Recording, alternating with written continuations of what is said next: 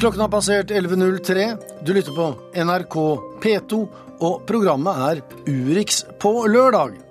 Karneval i Rio, fattigdom og valg i Tyskland og kull som politisk virkemiddel. Det er tre av stikkordene for denne sendingen, der vi også skal innom politikk og gjerne vannstyre, både i USA og Afrika. Og apropos Afrika, korrespondentbrevet om ca. tre kvarter er postlagt i Tanzania. Dette er Urix på lørdag. Men vi begynner altså i Brasil, i Rio de Janeiro, der det verdenskjente karnevalet startet i går kveld. Karneval er fest og moro, men det er også en tid for politisk strid. I år har en av sambaskolene satt kampen om Amazonasjungelen på dagsorden, og de mektige jordeierne er rasende. Sentralt i striden står et indianerprosjekt som støttes av det norske regnskogsfondet.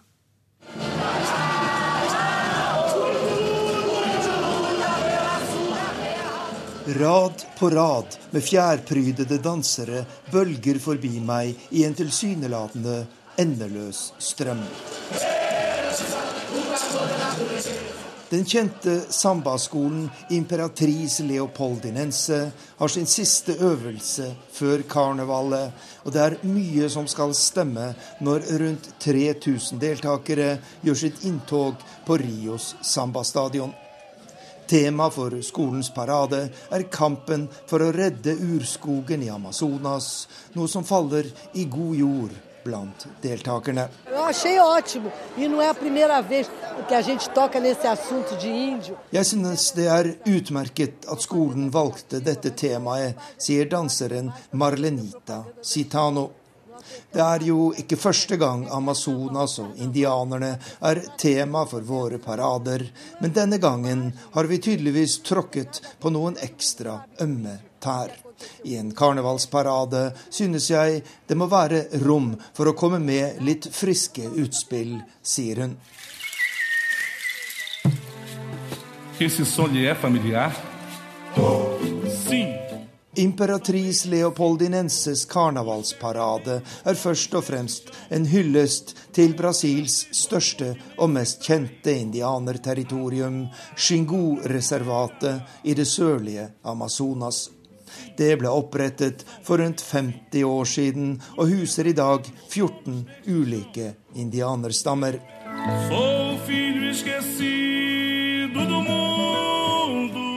Jeg er jordens glemte barn, med en hud som er rød av smerte, heter det i sambaskolens såkalte Samba Enjedo, sangen som synges under paraden på sambastadion. Og budskapet er som følger. Indianerne og deres kultur må bevares, for urfolket beskytter regnskogen mot dens mange fiender. Tømmerhoggere, kvegfarmere, soyadyrkere og andre. Men selv om brasilianerne er stolte av Amazonas og ønsker å bevare regnskogen, så har imperatris Leopoldinense fått hard kritikk. Brasil er en av verdens fremste landbruksnasjoner, og bøndene bidrar med hele 25% av landets bruttonasjonalprodukt.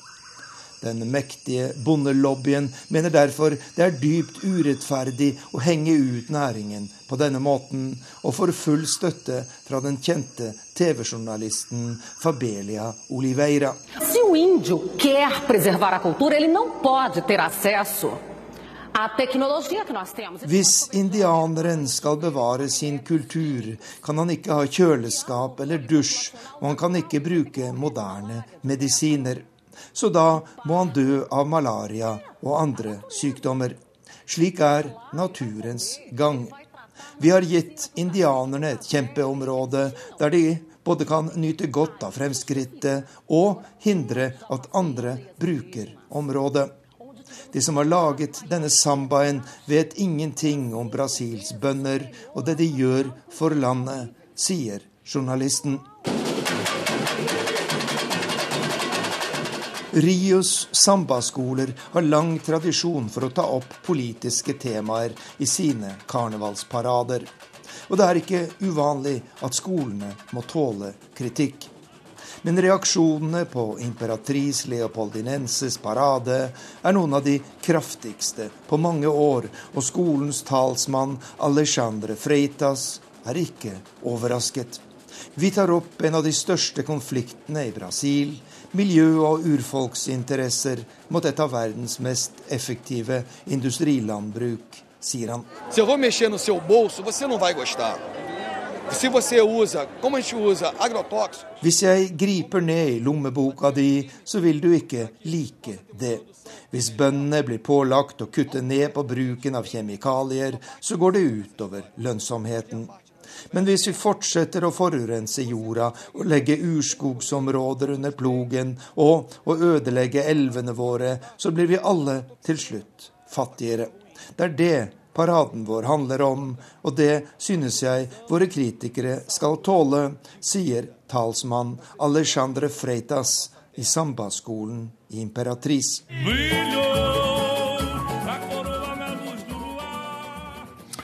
Ja, det er flott med regnskogsfokus og indianere i sentrum når det er eh, fest og moro i storbyen, men dette er eh, alvor, Lars Løvold. Du er daglig leder i Regnskogsfondet. Etter mange år med økt forståelse for eh, natur og urfolk, så slår altså nå mektige grupper kontra en slags revansj. Hva er det som skjer? Brasil har jo helt siden militærdiktaturet tok slutt, sånn rundt 1980, så har de egentlig forbedret sin miljølovgivning. Eh, de har et kapittel i grunnloven fra 88 som gir vidtrekkende rettigheter til Brasils opprinnelige befolkninger. Eh, I Amazonas er tre ganger Norges areal indianerterritorier hvor de har eksklusiv bruksrett. Så det er store områder som er tatt vare på og beskyttet av indianerne med den begrunnelse at de kan kunne fortsette sin kultur og sitt liv. Dette er en torn i øyet på den meget ekspansive og aggressive jeg kaller det godseierlobbyen, som i dag har veldig stor makt både i Brasils parlament, i regjeringen og i økende grad i offentligheten. Ja, for Vi har jo hørt om disse konfliktene på topp i Brasil når det gjelder presidentskap og Dilma Rousef som ble avsatt osv. Denne godseierlobbyen har altså nå reell makt, og det er de som på et vis styrer Brasil for tiden? Sånn er det. Eh, og vi som følger utviklingen i Brasil veldig tett, vi har jo jobbet der siden 1990-1991, vi ser jo at f.eks. i deres storting, i parlamentet, så er det stadig nye forslag som innskrenker miljø- områder som svekker urfolks rettigheter, som vil eh, endre hele praksisen med hvordan man skal opprette urfolksterritorier osv. Det er rett og slett en form for revansjisme. Disse folkene føler at de har historisk eh, mistet litt av sin enerådende makt, og de ønsker nå på mange måter å ta den tilbake. Og det er ikke godt nytt, verken for miljøet, nedbørsmønstrene i Brasil eller i verden. Men altså, det er ingen hemmelighet, vi har snakket sammen før denne sendingen. Du sier at denne problemstillingen, dette med å redde regnskogen, dette med å ha forståelse for urfolkene, det er på mange måter et populært standpunkt. Det er et standpunkt som brasilianere har akseptert, og som de til og med er stolte av. Eh, hvor stor majoritet har eventuelt folket som mener dette, og hvor stor andel av opinionen støtter eh, godseierklassen? For 20-30 år siden så hadde på en måte militærdiktaturets slagord om at vi kan ikke sette av store områder til få folk, oppslutning. I alle nyere meningsmålinger så er det et stort flertall for at Brasil trenger å bevare Amazonas, og indianerne har rett til å bevare sin livsform og sin kultur. Eh, og Vi hørte det også veldig godt i Arnt Stefansens reportasje. Denne begeistringen i sambaskolen i Rio, som jo ligger veldig langt vekk fra Amazonas, for å ta opp dette temaet, som er kontroversielt, men hvor det er nettopp dette Xingu-området som de har tatt opp, er det mest kjente indianerterritoriet i Brasil. En slags sånn postkort. De som ikke kan noe om indianere, de har hørt om Xingu, og det har vært lagd TV-serier, og det har vært liksom såpeoperaer fra Xingu. Altså dette er et utrolig sentralt sted som på en måte symboliserer hele indianernes identitet for den jevne brasilianer. Utrolig viktig, Vi har jobbet der sammen med indianerne for å forsvare dette området nå i snart 25 år. Kort til slutt da, Lars Løvold. Det er altså en slags allianse mellom fattigfolk i favelaene og indianerne i regnskogen? Det er helt åpenbart at disse fattigfolkene som skal opptre nå, og som har jobbet for det i nesten et år, de er begeistret, og de vil støtte disse indianerne. Og de har med indianerledere, 17 stykker, inkludert han med den store leppa, som heter Raoni, Vennen til Sting? Vennen til Sting. Han er med i opptoget og skal liksom komme i siste rekke som et slags høydepunkt. Da sier vi takk til Lars Løvold, daglig leder av Regnskogsfondet. Og vi skal tilbake til vårt eget kontinent, til Europa, som står foran viktige valg i år, ikke minst i Frankrike og Nederland, men også i Tyskland. Og det er ikke bare fremmedfrykt og innvandring som blir viktig i valgkampen. En fersk rapport fra det tyske økonomiske forskningsinstituttet viser at fattigdommen i det landet har økt de siste 20 årene, og at hele 11 millioner tyskere nå lever på eller under fattigdomsgrensen. Det vil si at de har snaut 10 000 kroner i måneden å rutte med. Korrespondent Guri Nordstrøm i Berlin har møtt noen av dem. Vi würden gerne einmal ganz weit verreisen, ein paar 14 Tage, aber es geht eben nicht, auch wegen finanziell. Das würde ich nicht schaffen. Vi skulle gjerne ha reist langt vekk en gang, f.eks. i 14 dager. Men det går ikke av finansielle grunner. Det ville jeg ikke ha klart, sier Monica Wegner. Pensjonisten fra Lichtenberg langt øst i Berlin er hovedforsørger for barnebarnet Danny på tolv år. Du warst auch noch nie im Ausland, ne? Nee. Doch, ich war schon in Polen. Du har ikke vært i utlandet ennå du heller, har du vel? spør hun barnebarnet. Jo, i Polen, svarer han. Og hun ler. Naja, gut, Polen, okay. okay, aber weiterreisen auch nicht. Likevel, det er ikke egentlig lange utenlandsreiser som bekymrer dem. I hverdagen handler det aller mest om å få budsjettet til å gå rundt. Et budsjett på rundt 900 euro i måneden. Ich alleine habe im Monat äh, 600 Euro, wenn ich nicht noch vom Sozialamt für Danny 300, über 300 Euro bekomme und das Kindergeld. Derfor kommer bestemor og barnebarn hver ukedag til fritidstilbudet Arken. Her får de et daglig gratis måltid, de får utdelt gratis brukte klær, og Danny kan få leksehjelp og drive med gratis fritidsaktiviteter, bl.a. spille fotball. Wir genießen dieses Angebot, weil hier kann man frei essen. Die Kinder können, oder Danny kann hier Schularbeiten machen. Ich finde es schon gut hier, weil man hat hier Freunde, kann spielen, kann machen, was man in der Freizeit nicht machen könnte. Hat Freizeit, kann machen, was man möchte. Privatstiftelsen Arken har 22 sentre i Tyskland som gir et gratis fritidstilbud for barn opptil 18 år. Pressetalsperson Wolfgang Bücher mener mange av barna her hadde vært fortapt uten deres hjelp. Ohne diese Hilfe von außen wären die meisten Kinder verloren. Wir sind ein reiches Land. Vi er et rikt land, og det er vanskelig å forestille seg at det faktisk bor tre millioner fattige barn her. Men fattigdom går i arv, og er et kretsløp som barna ofte ikke kommer ut av selv, uten hjelp utenfra, sier Bücher. En i den statistikken er Ronja. 17 år gammel, og for tre måneder siden ble hun mamma for første gang. Ich bin in nicht so guten Verhältnissen aufgewachsen. Ähm, wir hatten es immer schwierig mit dem Geld. Jeg har ikke vokst opp i så gode forhold. Det var alltid vanskelig med penger, forteller hun. Og sier at hun også ble mobbet på skolen fordi moren hennes gikk på sosialstønad.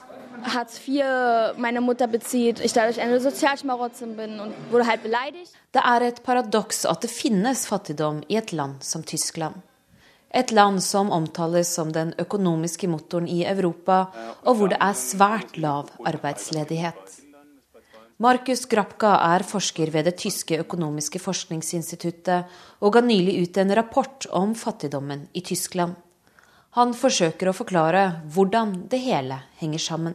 Und das hat unter anderem auch damit zu tun, dass eben selbst wenn Sie einer Beschäftigung nachgehen, vor allen Dingen in Form von einem Minijobs oder auch einer Teilzeitbeschäftigung, Mange har bare deltidsjobber eller såkalte minijobs. Den inntekten holder ikke hvis man også skal forsørge noen. Det betyr at du trenger en fulltidsjobb for å unngå fattigdom i Tyskland, forteller han.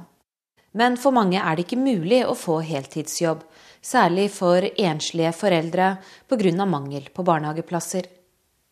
Og så har aldersfattigdommen blitt mer alvorlig i løpet av de siste årene.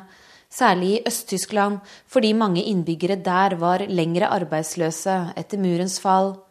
I dag sitter de igjen med mindre pensjon. Og det har blitt flere fattige de siste årene, forteller Grapka. Schaut man sich die Armutsrisikoquote in Deutschland in den letzten 20 Jahren an, so kann man sehen, dass in den 90er Jahren diese Quote bei etwa 11 Prozent lag. Hvis man ser på fattigdomsrisikoen i Tyskland de siste 20 årene, så ser man at på 90-tallet var kvoten på 11% Nå de siste tre-fire årene har det økt. Nå ligger vi ifølge våre tall på 16% av befolkningen. Det betyr at mer enn 11 millioner mennesker i Tyskland lever på fattigdomsterskelen, forteller han. I tysk målestokk vil det si at de har under 1050 euro å rutte med i måneden. Det ville holdt en stund i fattigere land, men i et utviklet land som Tyskland holder ikke den summen særlig lenge.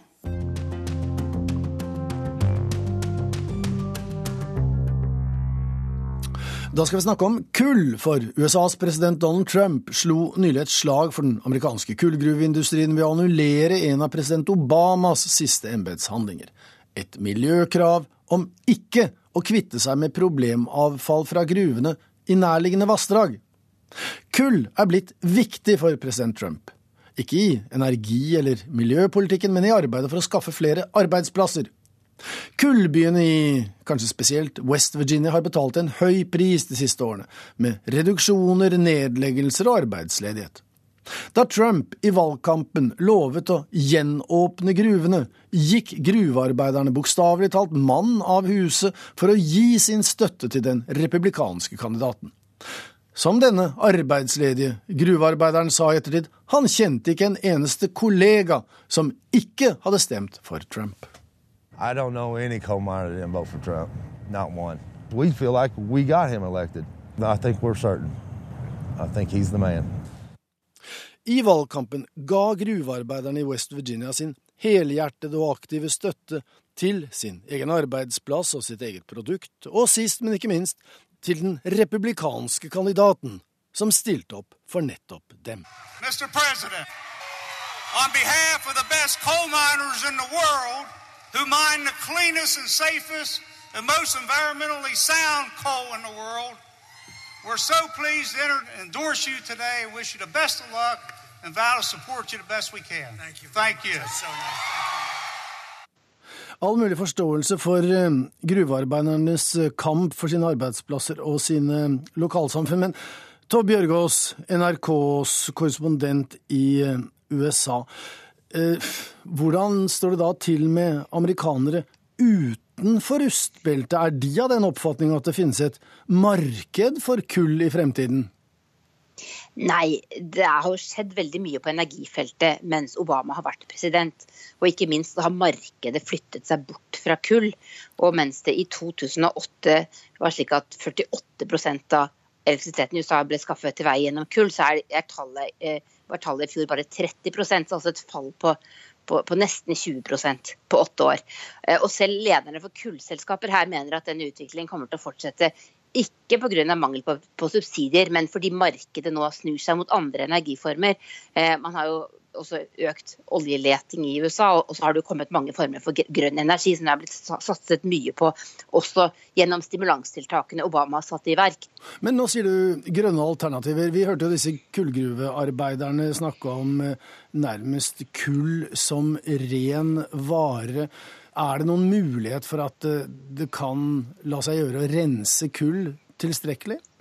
I tiår så har eh, kullindustrien og den veldig mektige lobbyen som de har i forhold til Kongressen, drevet en kampanje eh, å, som heter Clean Coal, som handler om hvordan man kan rense kull. Og, og drevet voldsom lobbyvirksomhet i forhold til politikere i forhold til at dette er mulig.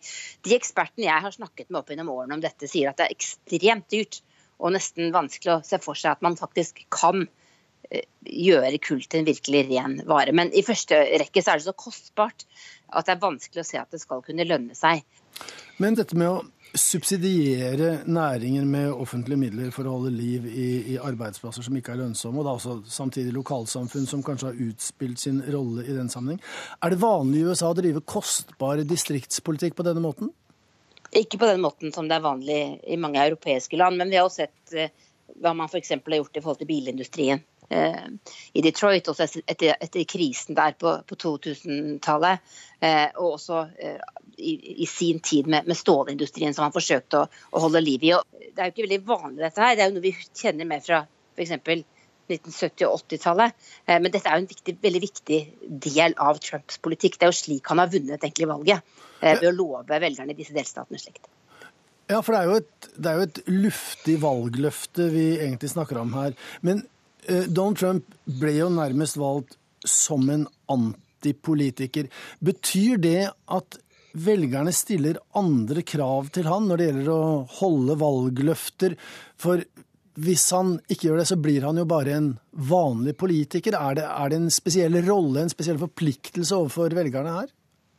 De fleste jeg snakker med, sier at han er nødt til å levere i forhold til de velgerne som stemte han inn, bl.a. velgerne i såkalt coal country, altså i West Virginia. I Kentucky f.eks., der han vant med store flertall, de venter at han skal gjøre livene deres bedre. Eh, men så, eh, så langt, når jeg har snakket med folk her, så, så sier folk at de allerede syns det går bedre, fordi Trump oppfører seg annerledes og kommer med disse store løftene. Men jeg tror de vil måtte se at livet deres blir bedre. Og for kullarbeiderne f.eks. I, i West Virginia eh, så leste jeg en artikkel eh, nå denne uken hvor, de på en måte sier at de, de, er jo egentlig mer opptatt av at de skal få beholde helseforsikringen sin, og at de skal få beholde eh, annen hjelp til å Det er mange som har lungeproblemer etter mange tiår i gullgruvene f.eks. Og at han ikke skal ta fra dem det, men heller hjelpe dem eh, til, til, bedre velferdsordninger. For de innser kanskje at de ikke kommer til å få arbeidsplassene eh, tilbake fordi markedet har løpt eh, fra dem. Så det skal bli interessant å se eh, hvordan han vil følge opp disse løftene, og også hvordan disse velgergruppene vil stille seg til ham f.eks. om fire år. Da venter vi, om ikke nødvendigvis i fire år, så får vi vel høre mer om dette i løpet av eh, om ikke så altfor lang tid. Vi sier takk til deg, Tove Bjørgaas i Washington. Men vi skal eh, fortsette å snakke om kull, for i Urix på lørdag for en uke siden så kunne vi høre hvordan kull blir brukt i den politiske kampen mellom de separatistkontrollerte områdene i Ukraina og de regjeringskontrollerte områdene i landet. Kulltransportene blir blokkert, dette truer energisikkerheten i Ukraina, og presidenten har innført unntakstilstand i energisektoren. Dette kan føre til at Ukraina, i ytterste konsekvens, må kjøpe kull fra erkefienden Russland. For i hele det tidligere Sovjetområdet spiller kullet fremdeles en viktig rolle. Kanskje ikke like viktig rolle som på 30-tallet, da kullproduksjonen var både en økonomisk og ikke minst en politisk motor i bygningen av det nye sosialistiske samfunnet. Aleksej Stakhanov.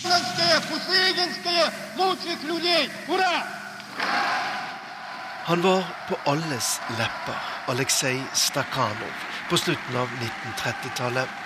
Mannen som to ganger satte uoffisiell verdensrekord i utvinning av kull, havnet til slutt også på forsiden av det amerikanske uketidsskriftet Time, etter å ha klart med egne hender og en boremaskin å utvinne utrolige 229 tonn med kull i løpet av ett skift. Det skjedde i Sentralnaja og Gruven, i det daværende Kadijevka, byen som senere ble oppkalt etter nettopp Aleksej Stakhanov, og ligger i Luhansk fylke i Donbas-området lengst øst i Ukraina.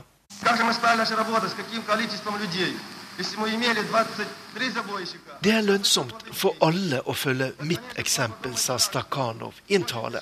Det trengs færre arbeidere til å utvinne kullet, og hver enkelt av oss tjener mye bedre.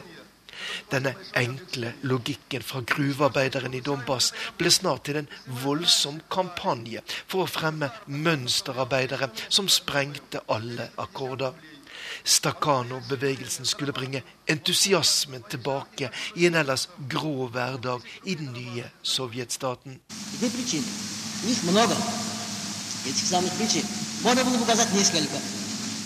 Selveste sovjetlederen Josef Stalin tok imot Aleksej Stakhanov i Moskva og sa at hans eksempel ville gi et bedre og lykkeligere liv til folkene i Sovjetunionen. Da hadde gruvearbeideren for lengst satt fra seg boremaskinen, og han ble senere en byråkrat i den store sovjetiske gruveindustrien. Før hans stjerne etter Stalins død i 1953 ble falende, og han vendte tilbake til Donbas og byen Toros i Donetsk fylke.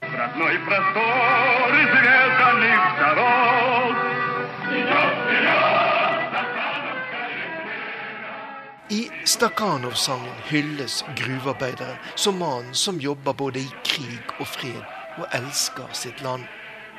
Og kullgruvearbeideren og de verdiene han tok opp fra jorden, ble viktige for økonomien i Sovjetunionen. Ikke minst fordi det skaffet landet eksportinntekter, før sovjetisk olje og gass kom ut på verdensmarkedet for fullt fra 1970.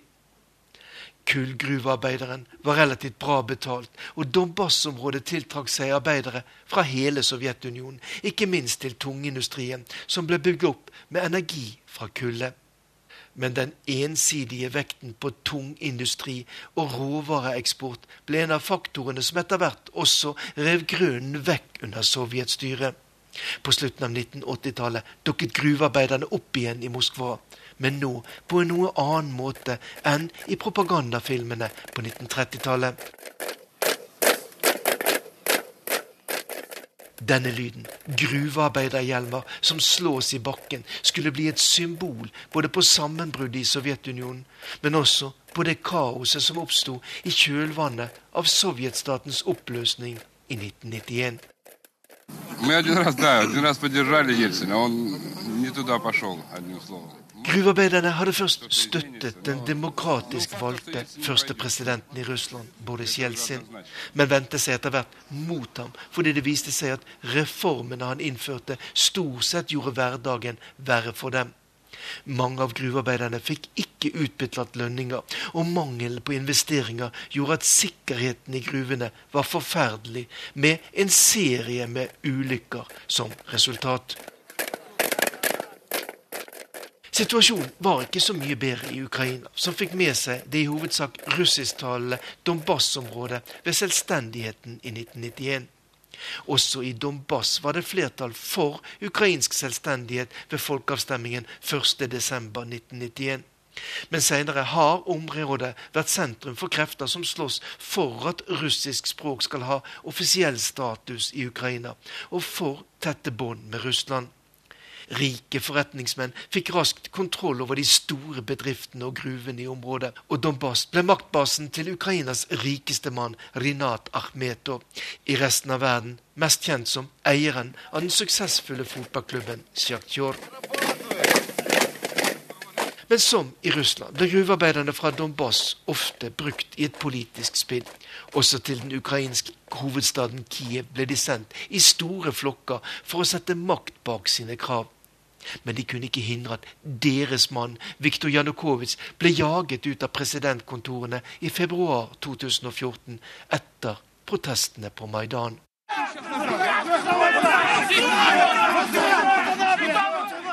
Men sist søndag hørtes det igjen slik ut sentralt i den ukrainske hovedstaden Kiev. Voldsomme sammenstøt mellom politi og demonstranter som krever at Ukraina stopper å kjøpe kull fra de prorussiske separatistene, samtidig som landet ligger i krig med dem. Kullet er igjen blitt et tema i dette ustabile landet øst i Europa. Kullet er så absolutt fremdeles en del av internasjonal politikk. Sa vår Moskva-korrespondent Morten Jentoft. Og vi gir oss ikke det blir mer kull nå nordkoreansk, men vi har en omvei. Kina truer nemlig med å stanse salget av kull til Nord-Korea pga. Nord-Koreas mange rakettforsøk. Men dette er en energikilde det isolerte landet er helt avhengig av. Nord-Korea svarer derfor med å anklage Kina for å danse etter Donald Trumps pipe.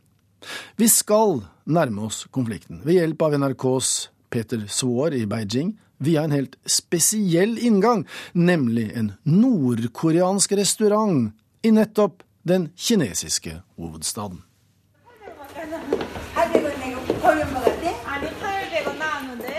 Si hva du vil om Kim Jong-un, men å drive restauranter, det har regimet hans litt greie på.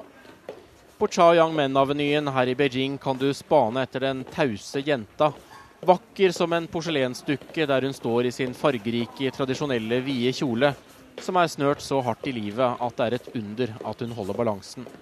Hun vil åpne døren for deg, men hun hilser ikke.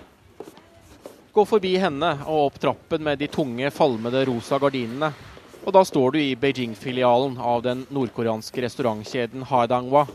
Og her er du umiddelbart under vaktsomme øynes oppsikt, og det er et strengt fotoforbud. Jeg innrømmer at jeg tok opp lyden til denne reportasjen nokså diskré.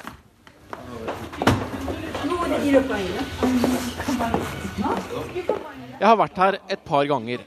Mer av nysgjerrighet enn for matens skyld. Menyen er helt grei koreansk mat, men den er grovt overpriset. Og for en norsk gane er det lett å skvette litt til når man blar om og finner fargerike kjøttretter som hundestuing, til rundt 500 kroner tallerkenen. Jeg har kunnet lese skuffelsen i de unge servitrisenes ansikter når jeg bestiller og de innser at jeg er en nordisk gjerrigknark som ikke har med seg forretningsforbindelser som skal imponeres, og som derfor ikke bryr meg om den hårete krabben til 1000 kroner munnfullen, eller den eksklusive koreanske blekksprutretten som koster enda mer. Jeg nøyer meg som regel med billige, ujålete matretter som biff og kimchi, og det blir det jo ikke store overskudd av. Men restauranten her er faktisk statlig drevet, og ifølge den svenske journalisten Bertil Lintner er det det hemmelighetsfulle statlige kontoret kalt Gruppe 39 som eier de vel 130 restaurantene i denne kjeden som er spredt over hele Asia. Formålet er utelukkende én ting å bringe inn hard utenlandsk valuta til et Nord-Korea som nå er mer isolert enn det har vært noen gang tidligere. Nå har selv kineserne tilsynelatende kuttet hånden av dem.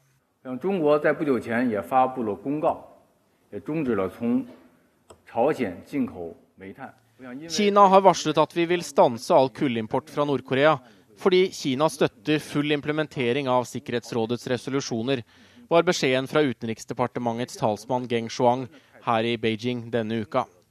Nord-Koreas svar var skuffelse over at Kina nå danser etter USAs pipe, som de formulerte det. For er det noen sanksjon som virkelig biter, så er det handelen med Kina. Rundt 90 av Nord-Koreas utenlandshandel er med nabolandet, og den viktigste eksportvaren er, kanskje ikke overraskende, brunkull og jernmalm. Det er eksporten av nettopp disse råvarene som er regimets viktigste kilde til utenlandsk kapital, og på mange måter overlevelse. Ved siden av restaurantdrift, altså. Det hører med til historien at Kina skulle stramme kraftig inn på kullimporten også i fjor, men tollstatistikken på slutten av året viste isteden en økning på rundt 15% Mens kineserne sterkt misliker atomtestene og neppe har høye tanker om den unge Kim, så vil de ikke risikere et regimekollaps med en stor flyktningestrøm mot sin egen grense. Så når det gjelder kull, er det lurt å følge med på hva kineserne gjør, og ikke så mye hva de sier. Men den nordkoreanske restaurantindustrien her i Kina den går fortsatt strykende. Riktignok hoppet 16 servitriser av fra denne statlig eide restaurantkjeden her i fjor, og det skapte både furore og ansiktstap for begge land. Nordkoreanerne er selvfølgelig klar over denne risikoen, så de unge, vakre jentene som tripper rundt meg her, er innkvartert på den nordkoreanske ambassaden som ligger noen kvartal unna. Derfra følges de til og fra denne restauranten av egne sikkerhetsvakter hver dag. For dem og familiene deres er dette en prestisjejobb, selv om det ikke alltid ser slik ut. Mens jeg er innom, må den ene restaurantgjesten etter den andre f.eks. bæres ut etter så mye risbrennevin at de ikke klarer å stå på egne ben. Regningen på 400 norske kroner håper jeg går til å fø noen fattige nordkoreanere, og ikke til plutonium eller sentrifuger eller den slags. For om Kina ikke lenger vil ha nordkoreanernes kull, så er det fortsatt altså et livlig marked her i Beijing for disse særegne restaurantopplevelsene, med eller uten stuet hundekjøtt på tallerkenen.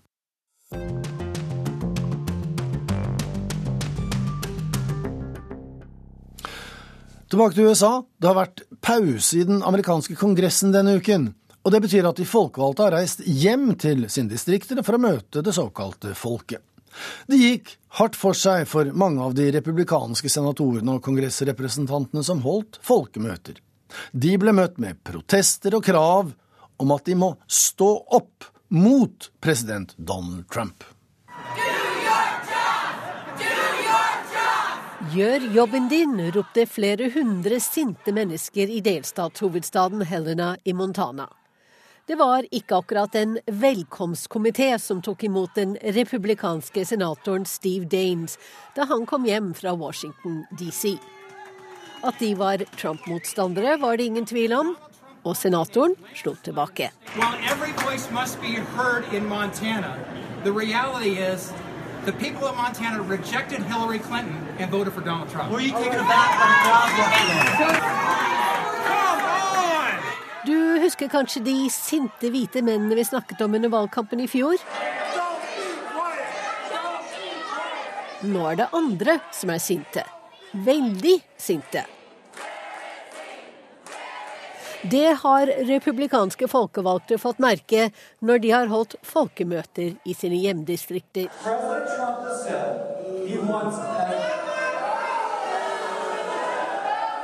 Senator Bill Cassidy fra Louisiana er ikke den eneste som er blitt møtt med avbrytelser og buing på folkemøtene. Over hele landet har republikanske politikere blitt konfrontert med rasende velgere som riktignok ikke stemte på dem, men som de tross alt representerer i Kongressen.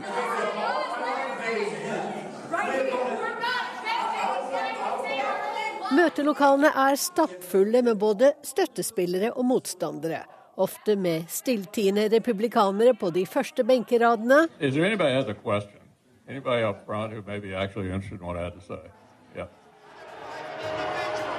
Mens de som høylytt stiller politikerne til ansvar for president Donald Trumps politikk, altså demokratene, sitter lenger bak i salen, eller står som i Springdale i Arkansas, der senator Tom Cotton fikk et spørsmål om muren mot Mexico. So, my question is, if we're so concerned about the deficit, why are we building a wall that costs 20 billion The most important thing, the most important thing is security and safety. That's that's why Shame on Mitch! Shame on Mitch! Heller ikke flertallslederen i Senatet, Mitch McConnell, unngikk protestene da han var hjemme i Kentucky. Han forsvarte president Trump på en måte, men eh, mer enn antydet at han kunne tenke seg en mindre kontroversiell stil. Like uh,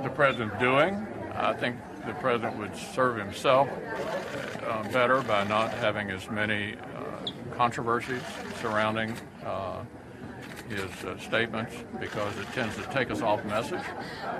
He's not going to take my advice, but I, I, would uh, not be tweeting so often, or I would be tweeting different things. Og ja, Donald Trump har tvitret om den harde medfarten hans partifeller har fått rundt om i landet. De såkalte sinte folkemengdene i hjemdistriktene til noen republikanere er faktisk i mange tilfeller planlagt av liberale aktivister. Trist, tvitret han. That would be dead, dead and homeless if it was not for ACA.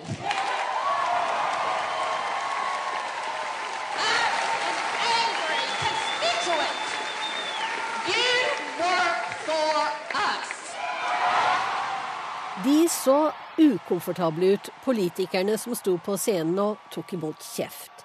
Men helt uforberedt kan det ikke ha vært.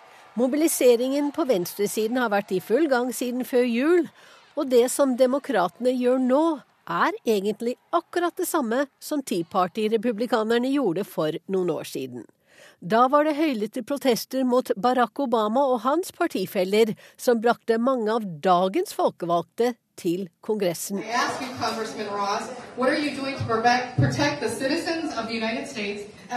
Spørsmålene var mange om Donald Trumps forhold til Russland og helger i Florida, om hans selvangivelser og om Obamacare.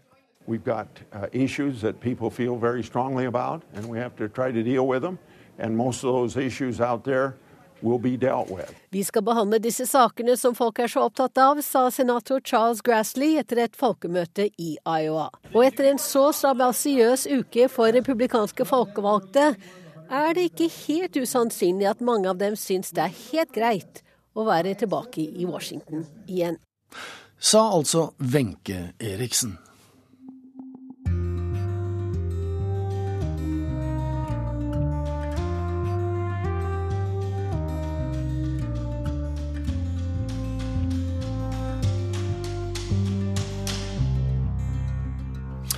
Da skal vi av alle steder til eh, Holmenkollen, for der har det vært avholdt en giverlandskonferanse for å bistå landene rundt Tsjadsjøen. Den endte bra, for denne glemte sultkatastrofen den får nå 5,6 milliarder kroner, og enda mer kan det bli siden USA ikke rakk fram med sin skjerv.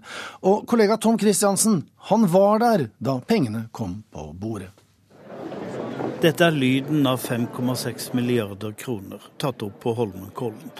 Rundt en hestesko satt representanter for land fra hele verden, hentet inn av utenriksminister Børge Brende, for å si hvor mye de har tenkt å gi til Nigeria og de andre landene rundt Tsjadsjøen.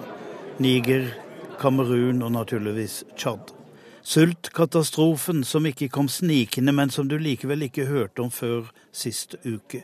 Alt du har hørt om den delen av verden, har handlet om Boko Haram. Dette visste du kanskje ikke. Terror gir sult, hungersnød.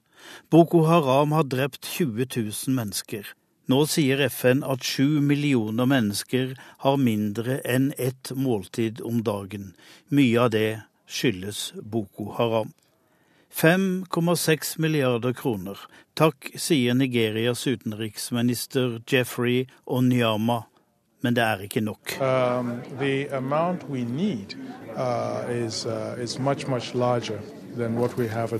vi trenger mye mer. Det er millioner av mennesker som ikke bare skal ha mat, de skal ha trygghet, de skal berges fra klimaendringene.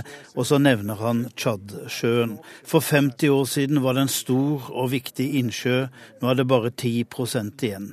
Der røyk fiskeriet, der forsvant vann til landbruket og til dyra og til menneskene som bor der. Sånn kan han fortsette. Dyrkbar jord ble til leire som sprekker, og om ikke det er nok, de fikk i tillegg verdens farligste, dødeligste terrorbevegelse Boko Haram.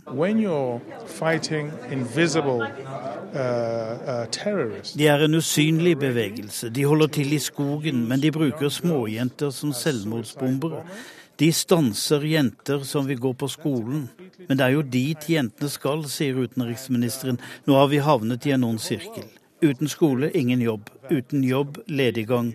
Da er du åpen for å bli rekruttert til Boko Haram, som tilbyr riktignok en pervers mening med livet. Det er lenge siden vi hørte om statskupp og militære diktatorer i Nigeria. Had, uh, Historien viser at vi har ikke hatt for gode regjeringer, sier utenriksministeren.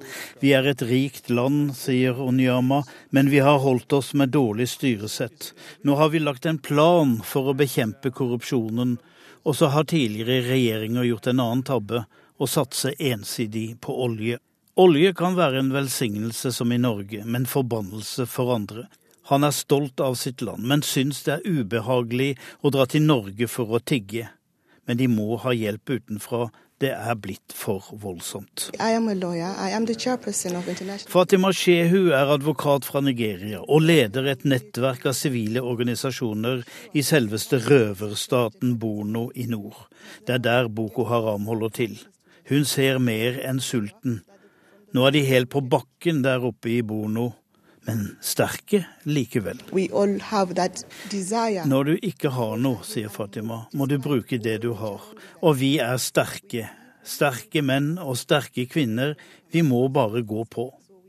Nå får verden se hvordan de har det. Elendighetsbeskrivelsen er fargerik og heslige. Fatima vil gjerne vise en annen side også, og jeg spør Hender det at folk ler der oppe i Borno? Exactly. I think if you go to Borno State, you'll be amazed at the atmosphere of the people there. You will begin to wonder Hvis du drar dit, til Maiduguri f.eks., vil du bli overrasket over atmosfæren. Folk gjør daglige ting. Barn leker, mødre handler på markedet. Sterke folk, de er fulle av håp. Alt kan bli bedre. Midt i hungersnøden. De er helt normale. Ja, det er ikke slutten for dem. Vi skal fortsatt holde oss i Afrikamodus. Det er tid for korrespondentbrevet. Forestill dere at dere sitter under et mangotre i Afrika, men ikke et hvilket som helst mangotre, skal vi høre i ukas korrespondentbrev. Det er postlagt av Afrikakorrespondent Kristine Presthun i en gammel slavelandsby i Tanzania. Vinden tar tak i de blanke bladene, brisen gir et velkomment avbrekk fra den fuktige varmen. Grenene til verdens mest berømte mangotre kaster en behagelig skygge over åstedet for en av verdenshistoriens mest berømte replikker. Det opprinnelige mangotreet står her ikke lenger. Da det visnet, ble det laget en statue av lysegrå stein fra Jeriko for å minnes det spesielle møtet som fant sted under treets lange grener. Men mangotrærne som i dag står rundt statuen, er avleggere av det som sto her på 1800-tallet. Det er under disse trærne at guiden nå forteller om hovedpersonen i dramaet som fant sted her. For meg var han en helt, en som fridde afrikanerne fra slaveriets lenker. Men han var også en skurk, en som har ansvar for at koloniherrene kom hit og herset med oss, sier Kelvin Nogvi, en ung, belest mann. Jeg kunne kommet skinnelangs, en 40 timer lang togtur fra Dar es Salaam ved Det indiske hav til Kigoma. Togstasjonen er et arkitektonisk minne om den tyske kolonitiden. En kremhvit murbygning med buede vinduer og benker i mørkt tre. I stedet kom jeg med en bil dekket av det rustrøde afrikanske landeveisstøvet. Det var en tilfeldighet, eller rettere sagt en misforståelse, som førte meg hit til mangotreet i den lille landsbyen Ujiji ved Tanganyika-sjøen. Vi skulle til Kabanga i Tanzania. Google Map og det store kartet på kontorveggen i NRKs Afrikakontor viste at byen lå en fire timers kjøretur fra Rwandas hovedstad Kigali. Jeg hadde også lest en artikkel som beskrev hvordan stedet jeg skulle besøke nettopp lå i Kabanga, i dette nordvestlige hjørnet av Tanzania mot grensen til Burundi. Og jeg hadde spurt min lokale kontakt om det var en god plan å kjøre fra Kigali. Svaret var ja. Svaret var resultat av en journalistisk feil som en korrespondent ikke skulle begått. Jeg hadde stilt et lukket spørsmål. Svaret kunne bare bli ja eller nei. Hadde jeg spurt hva som var den enkleste måten å reise dit på, ville jeg fått et helt annet svar. Selv det mest opplagte er ikke alltid opplagt, som f.eks. å spørre om Kabanga ligger i Kabanga. Lærdommen er at man ikke kan sjekke nøye nok. Nå ble det ni timer ekstra i bil på en svært humpete landevei, en overnatting på et rufsete sted og dårlig med mat, men også en opplevelsesrik tur langs grensen til Burundi i den gylne ettermiddagssolen. Folk på sykkel, sydende markeder, lekende barn i veikanten. Brautende biler med logoer fra diverse hjelpeorganisasjoner passerte oss, som en påminnelse om at tusenvis av flyktninger bor i leire her. De har rømt hit fra despoten i Burundi, han som ble nyfrelst av en norsk predikant og leder Halleluja Football Club. Vi fant til slutt den lille landsbyen Kabanga, som altså lå et helt annet sted enn byen Kabanga. Vi filmet og pakket sammen. Å dra samme vei tilbake var uaktuelt for en som blir lett bilsyk. Den letteste returen var å ta fly fra Kigoma, som ligger ved Tanganyika-sjøen, en innsjø som grenser til fire land, og som regnes som den nest eldste og nest dypeste i verden, bare slått av Baikalsjøen i Sibir. Og når jeg først var i Kigoma, var det bare å svippe innom hit til landsbyen Ujiji. Og slik havnet jeg her, under det berømte mangotreet. Dr. Livingstone, I presume, Dr. Livingstone, formoder jeg. Det var her denne knappe erkebritiske setningen ble uttalt første gang. For det er slik Henry Morton Stanley skal ha hilst da han endelig møtte David Livingstone. Det skjedde her, under mangotreet ved Tanganyika-sjøen. Datoen var 10.11.1871. Da hadde journalisten Stanley bak seg 236 dagsmarsjer på jakt etter den skotske legen, misjonæren og oppdagelsesreisende David Livingstone.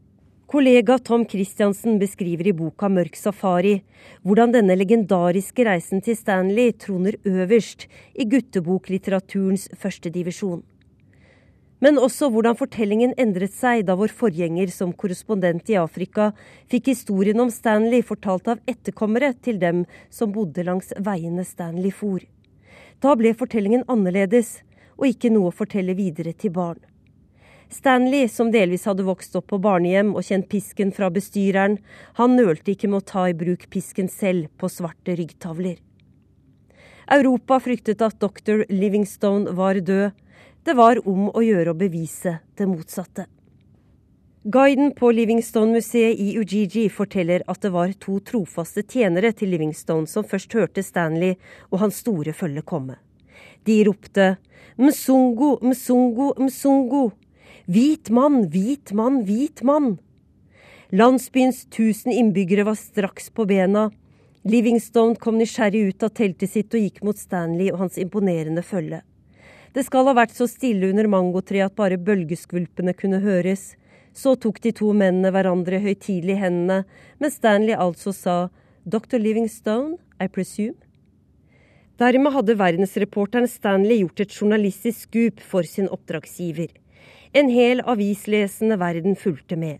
Eieren av den amerikanske avisen The New York Herald hadde tatt en enorm sjanse da han satset et ufattelig beløp på et høyst usikkert oppdrag. Suksessen var en sensasjon. Resten er historie. Livingstone døde tre år senere ved Bangwelu-sjøen i Zambia, trolig av dysenteri. De trofaste følgesvennene hans fjernet innvollene, soltørket liket, pakket det inn i et krede dekket av tjære, og bar det selv over 1000 mil til Bagamoyo. Navnet betyr knust hjerte, slavebyen på kysten av Tanzania. Derfra ble kroppen fraktet via Zanzibar til London for en ærefull begravelse. Oppdagelsene til Livingstone gjorde ham til en helt på hjemmebane. Han satte Afrika på kartet for mange europeere, selv om hans oppdrag mislykkes. Han søkte etter Nilens kilder, de fant han aldri. Livingstone ville vinne kampen mot slaveriet med kristendom og handel. Guiden under mangotreet forteller at han beundrer doktoren for at han kjøpte fri slaver på sin vei. Og den tidligere presidenten i Zambia, Kenneth Kaunda, beskrev Livingstone som den første afrikanske frihetskjemperen. Men oppdagelsene og filosofien til Livingstone var med på å inspirere Europas stormakter til et kappløp om Afrika. Kontinentets ufattelige rikdommer var premien. Jeg er ikke sikker på om Livingstone visste hva han gjorde, men han solgte på et vis vår sjel, sier guiden under mangotreet. Mangotreet sto da ved vannkanten. Nå har innsjøen trukket seg 200 meter tilbake. Jeg rusler ned til den gule stranden, kjenner sanden kile mellom tærne. Et par fiskere sitter og slapper av på sine kanoer, hugget ut av trestammer nå, som da Livingstone var her og i hundrevis av år før det. En kvinne i fargerik kanga stuper uti, barn ler frydefullt. Det er lite her nå som minner om at Ujiji den gangen var et senter for den arabiske slavehandelen. På den andre siden av Tanganyikasjøen kan vi skimte grønne åser. Kongo. Det var dit Stanley senere dro på oppdrag fra kong Leopold av Belgia. Med fem dampskip, 80 tonns bagasje og 1000 rifler dro han opp Kongofloden inn i den hete regnskogen. Oppdraget var å erobre så mye jord som mulig. Det klarte han bra. Med på turen var to danske styrmenn og det var starten på en stor nordisk innvandring til Kongo. Snart dominerte nordiske sjømenn elveseilasen i den nye kolonien. Fristaten Kongo var mulighetens land. Men gummien som gjorde europeerne søkkrike, dryppet av de innfødtes blod. Dermed var også nordmenn med på å bygge opp kong Leopolds private koloni. En konge som innførte tvangsarbeid og forsynte seg grovt av Kongos ressurser som elfenben og rågummi fra verdens nest største regnskog. Galskapen til de hvite herskerne fløt fritt i elvebåtenes kjølevann inn til mørkets hjerte, det svarteste Afrika, slik Joseph Conrad beskrev det i boka fra 1902. Heller ikke i dag er Kongo én samlet nasjon. I øst er det over 70 opprørsgrupper med våpen, og i hovedstaden Kinshasa sitter presidenten ulovlig på overtid. Unge mennesker dør i gaten i kampen mot presidenten og for demokratiet. Hvordan hadde Kongo vært om Stanley ikke fant Livingstone her under mangotreet? Hadde kontinentets nest største land allikevel blitt kjernen i de ufattelig voldsomme krigene i nyere tid, som har kostet millioner livet og gjort Kongo til det landet i verden med flest interne flyktninger? Fra vår plass under mangotreet ser vi sola på vei ned, nærme seg åsryggene i Den demokratiske republikken Kongo på den andre siden av sjøen. Det samme synet møtte Stanley i 1871. Den Urix på lørdagssendingen går nå mot slutten, og vi minner om at deler av den, inkludert Kristine Presthunds korrespondentbrev, kan høres i reprise i P2 klokken 16.40. Vi takker for oss, og oss det er Vegard Tislevold som var teknisk ansvarlig, Ingvild Ryssdal var produsent, og her i studio satt Joar Hoel Larsen.